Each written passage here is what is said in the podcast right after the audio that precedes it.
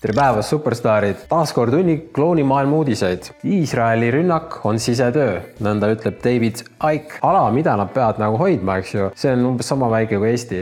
nüüd neil on see maailma kõige retsim sõjavägi ja siis mingisugused koopatüübid enam-vähem saavad tulla lambist läbi, keegi mitte midagi ei märka ka. no ja siis kohe terve maailm ütleb nagu ühest suust nagu tuleb nagu, nagu lindi pealt tuleb. aa, näed, nad ründasid Iisraeli, nüüd me peame kõik toetama Iisraeli. David Icke on tegelikult öelnud üle paarikümne aasta juba, maailma valitsejate plaan on on luua kolmas maailmasõda, millel ühel pool on ida, mis moodustab Venemaa, Hiina, Iraan, teisel pool on äh, Lääs, Euroopa ja USA. no ja nüüd on siin tehtud taaskord sisetöö täpselt samamoodi nagu oli nine eleven, kus täpselt samamoodi maailma kõige retsim sõjavägi lambist ei märganud, et kõige retsim rünnak üldse nagu ever, eks ju. Need vähesed, kes saavad aru, et see oli hauks, teie saate ka aru, et Iisraeli rünnak oli sisetöö, see tähendab kokkumäng koos Hamasiga maailmakuulus miljonite lemmik, filosoof ja intellektuaal Jordan Peterson tegi kohe postituse, et sellele Netanyahule seal Twitteris, et äh, anna neile tuld. Neile tähendab, et sa annad Palestiinale tuld, kus on siis hunnik tsiviilisikuid, lapsed, anna neile tuld ja nõnda arvab maailmakuulus filosoof ja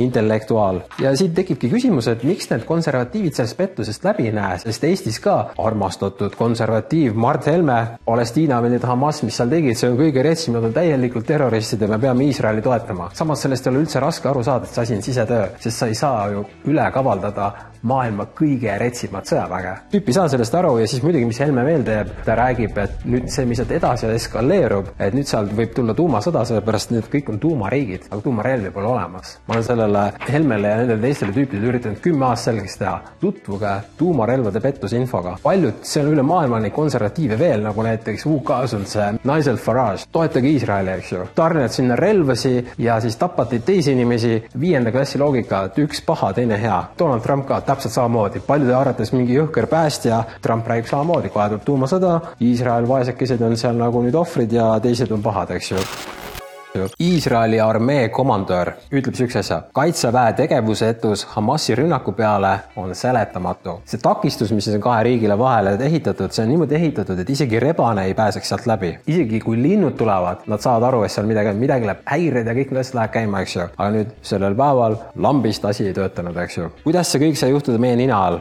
Kuhu kadus terve diviis, kuhu kadusid tuhanded sõdurid? see niivõrd ilmselge sisetöö, et sellest ei ole nagu vapsee üldse raske aru saada, aga noh, mingil põhjusel kõik ei saa aru. veel üks oluline osa kogu selle pusle sees on see, et tegelikult Iisrael ise aitas luua Hamasi, ise nad rahastavad seda ja noh, tegelikult kogu süsteem on üks sama, nagu sa loodetavasti aru saanud paljud arvavad, et Putin sõdib uue maailmakorra vastu. seda arvavad siis see seltskond, keda ma nimetan konspiratardideks, kes pole siiamaani aru saanud, et sõda käib valitsuse ja inimeste vahel. mis siis Venemaal hetkel toimub? Putin allkirjastas dekreedi riigisisese digitaalse passi loomiseks, ehk siis seal hakatakse looma digitaalsed koonduslaagrid, samamoodi nagu on juba paigas Hiinas ja mida hetkel luuakse Euroopas, varsti on ka sinu kodu ukse taga. et siis kõik on digitaalne, sa saad digi-ID, sa saad need koroonapassid, kui sul seda ei ole, siis liikuda ei saa, eks ju. varsti tuleb ka kodanikupalk, sellepärast et ai võtab enamus tööd üle ja kodanikupalga saad sa ainult siis, kui sa oled kuulekas, kui su vaktsiinid on kõik võetud ja Putin aitab just sedasama asja ellu viia. seega jah, sõdib uue maailmakorra vastu küsitlus Prantsusmaal. nelikümmend üks protsenti toetab ideed piirata lendamist nelja lennuga terve elu jooksul. see tähendab siis seda, et terve elu jooksul saad ainult neli korda lennukiga lennata ja see on sellepärast, et vaata, planeet sulab üles, sa näed, kõik vesi uputab ära, kõik ookeanid ajavad üle, eks ju, ja jõhker kliima soojenemine on. mis sest, et need, kes sulle seda juttu räägivad, maailm sulab üles, need lendavad eralennukitega iga päev. liigume järgmise teema juurde, milleks on automaks. kui ma saan valida, kas ma maksan iga aasta kaheksa sotti rohkem või mitte, mitte. loomulikult ma ütlen, et ma, ma ei soovi seda. minu meelest meil on tuhat korda olulisemaid asju, millele tähelepanu suunata. mis juhtus koroonapettusega? kõik koroonaterroristid kõikides erakondades on endiselt äh, nii-öelda positsioonil. koroonapettuse ajal pandi miljardid hakkama, lihtsalt visati pohhu peldikupotist alla miljardid. miks me ei räägi sellest, et hetkel on nii-öelda loodamas niinimetatud pandeemialeping, millega siis WHO saab dikteerida, millal me oleme haiged, kuidas keegi saab ennast ravida, et seda hakkab kuskilt ülevalt poolt keegi hakkab otsustama. aga see teema ei huvita inimesi inimesi. automaks on ideaalne, sellepärast et äh, kui sa saad jaurata automaksust, siis saab jälle pühkida kogu koroonapettuse sinna vaiba alla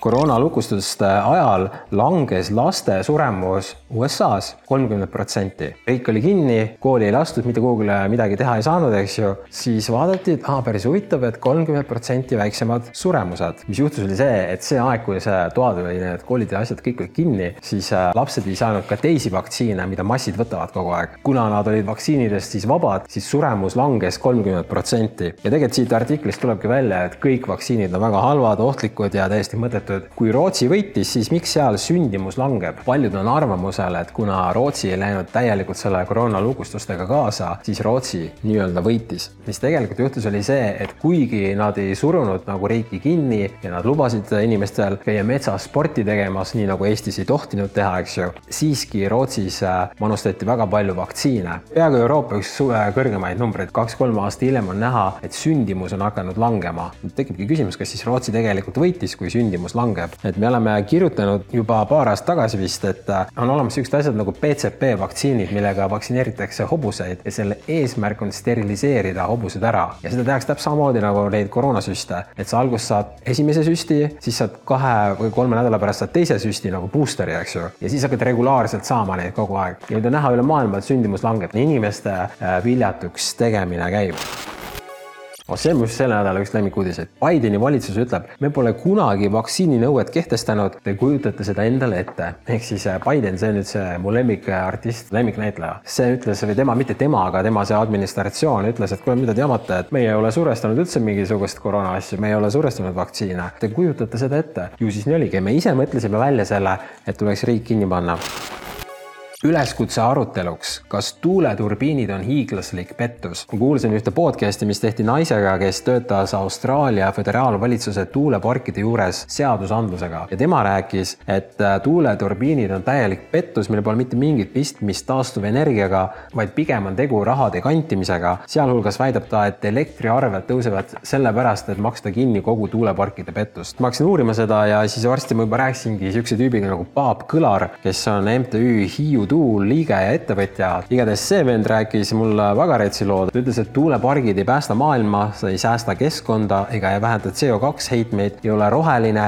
ei ole säästlik, ei ole odav, vaid on hoopis ebastabiilne, saastav, raiskav, kallis ja kahjulik. ja ta ütleb, et see on globaalne pettuskeem kliimahüsteeria abil maksumaksjatelt raha väljapumpamiseks. kõige tõsisemad kõigist mõjudest on aga pöördumatud kahjud inimeste tervisele. tuuletööstusega paratamatult kaasnev inimkõrvale kuuldamatu madalsageduslik ja infrasooniline müra ning seismiline vibratsioon, mis koos kaasneva resonantsi ja interferentsiga tungivad kõikjale kümnete kilomeetrite taha ning põhjustavad elusorganismidele täiesti ettearvamatuid tervisekahjustusi. tuuleparkide hoogs, minu jaoks uus asi, aga ülikõva, mulle meeldib, kui ma uue hoogsi saan teada ja tulemegi kogu Ultimate Hoaxi juurde siis on see, et see reaalsus, kus me elame, ilmselt on simulatsioon. paljud on sellest rääkinud juba aastakümneid, nüüd on järjekordne mainstream füüsik tulnud välja samasuguse teooriaga. ta ütleb, et tema uuringud viitavad konkreetselt sellele, et me elame simulatsioonis või mingisuguses virtuaalmaailmas. ühiskond on nagu muutmas üha-üha digitaalsemaks, siis tähendab, mingi hetk on niimoodi, et me oleme juba nii digitaalsed, et me ei ole võimelised eristama siis originaali kui sellest äh, replikast. ning see ka seletaks, miks siis nii palju on neid NPC NPC-si, kes nendest lihtsatest äh, pettustest läbi ei näe. et kui me elamegi siin mingisuguses virtuaalmaailmas, siis äh, CPU ei ole piisavalt võimas või siis äh, seal ei ole seda mingit tarkvarakeelt sees. miks nad ei näe läbi, et, et see nine eleven ei saa olla, nagu nad ütlevad. Hamasi Iisraeli rünnak ei saa olla ka, nagu nad ütlevad. kui nad on NPC-d, siis nad ei peagi sealt läbi nägema